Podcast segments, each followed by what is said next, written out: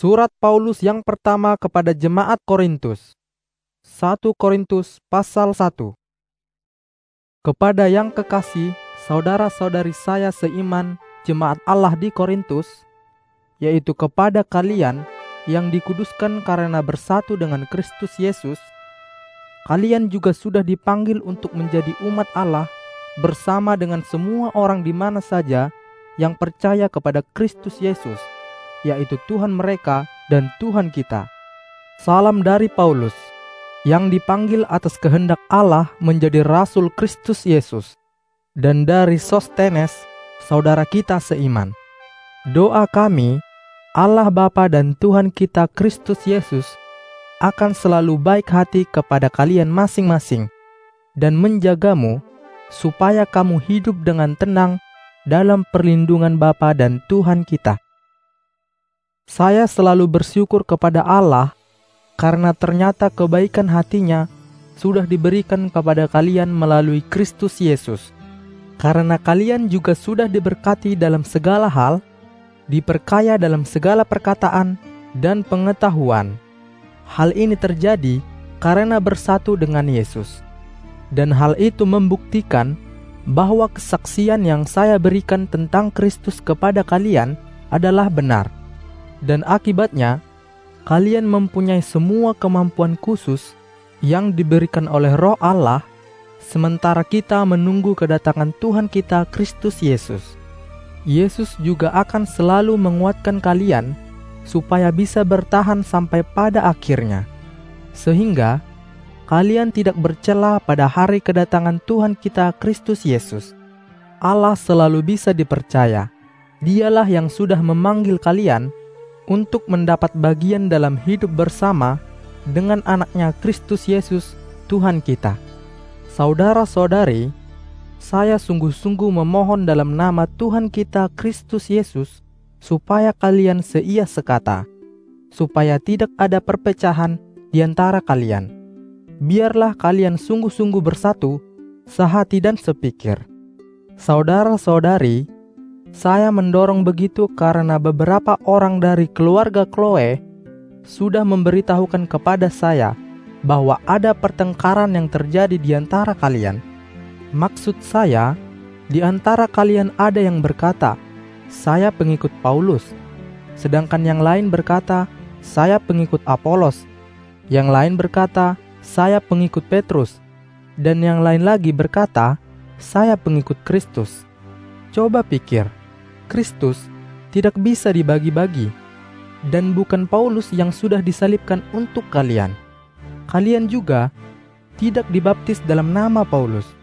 Karena itu, saya bersyukur kepada Allah bahwa saya tidak membaptis kalian, kecuali Krispus dan Gaius.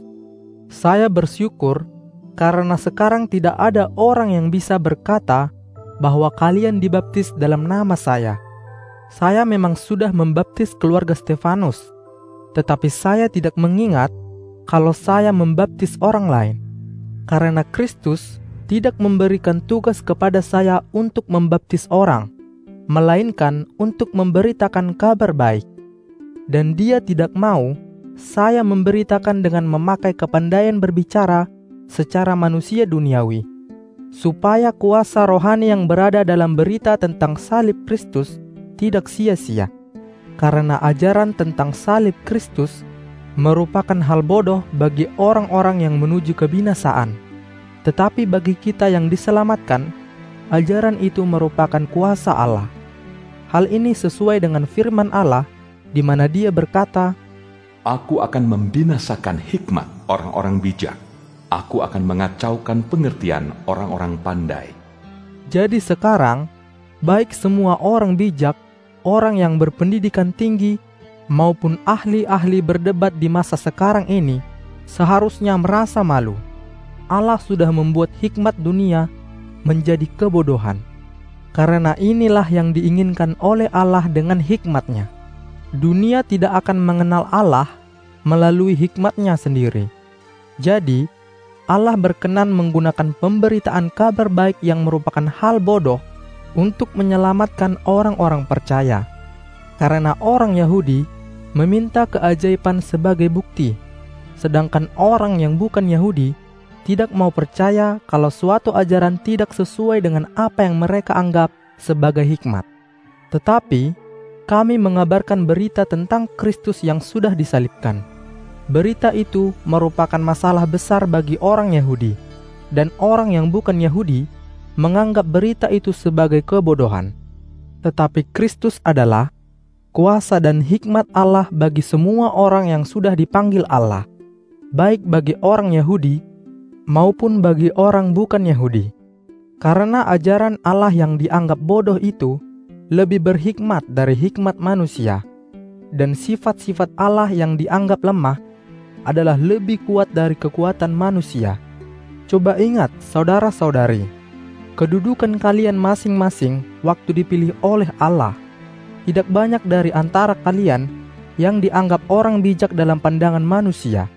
Tidak banyak dari antara kalian yang dianggap orang besar atau kaya.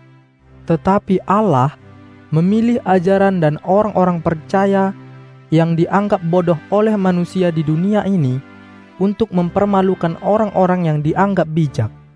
Dan Allah memilih berita dan kita yang dianggap lemah oleh manusia di dunia ini untuk mempermalukan orang-orang kuat. Bahkan kita dan keyakinan kita dianggap tidak penting, dihina, dan sama sekali tidak ada arti oleh manusia di dunia ini. Biarpun begitu, sebenarnya kita dan keyakinan kita itu dipilih Allah untuk menghapus hal-hal yang dianggap penting oleh orang-orang yang berkedudukan tinggi dan yang dianggap pintar. Allah melakukan itu supaya tidak ada orang yang bisa membanggakan diri di hadapannya. Allah sendirilah yang sudah mempersatukan kalian dengan Kristus Yesus Allah juga yang sudah menjadikan Kristus sebagai sumber hikmat bagi kita. Dan Kristuslah yang membuat kita benar di hadapan Allah, dan Dia juga yang menyucikan serta membebaskan kita dari dosa. Oleh karena itu, seperti yang tertulis dalam firman Allah, Orang yang mau bangga, berbanggalah hanya tentang apa yang Tuhan perbuat, bukan membanggakan dirinya sendiri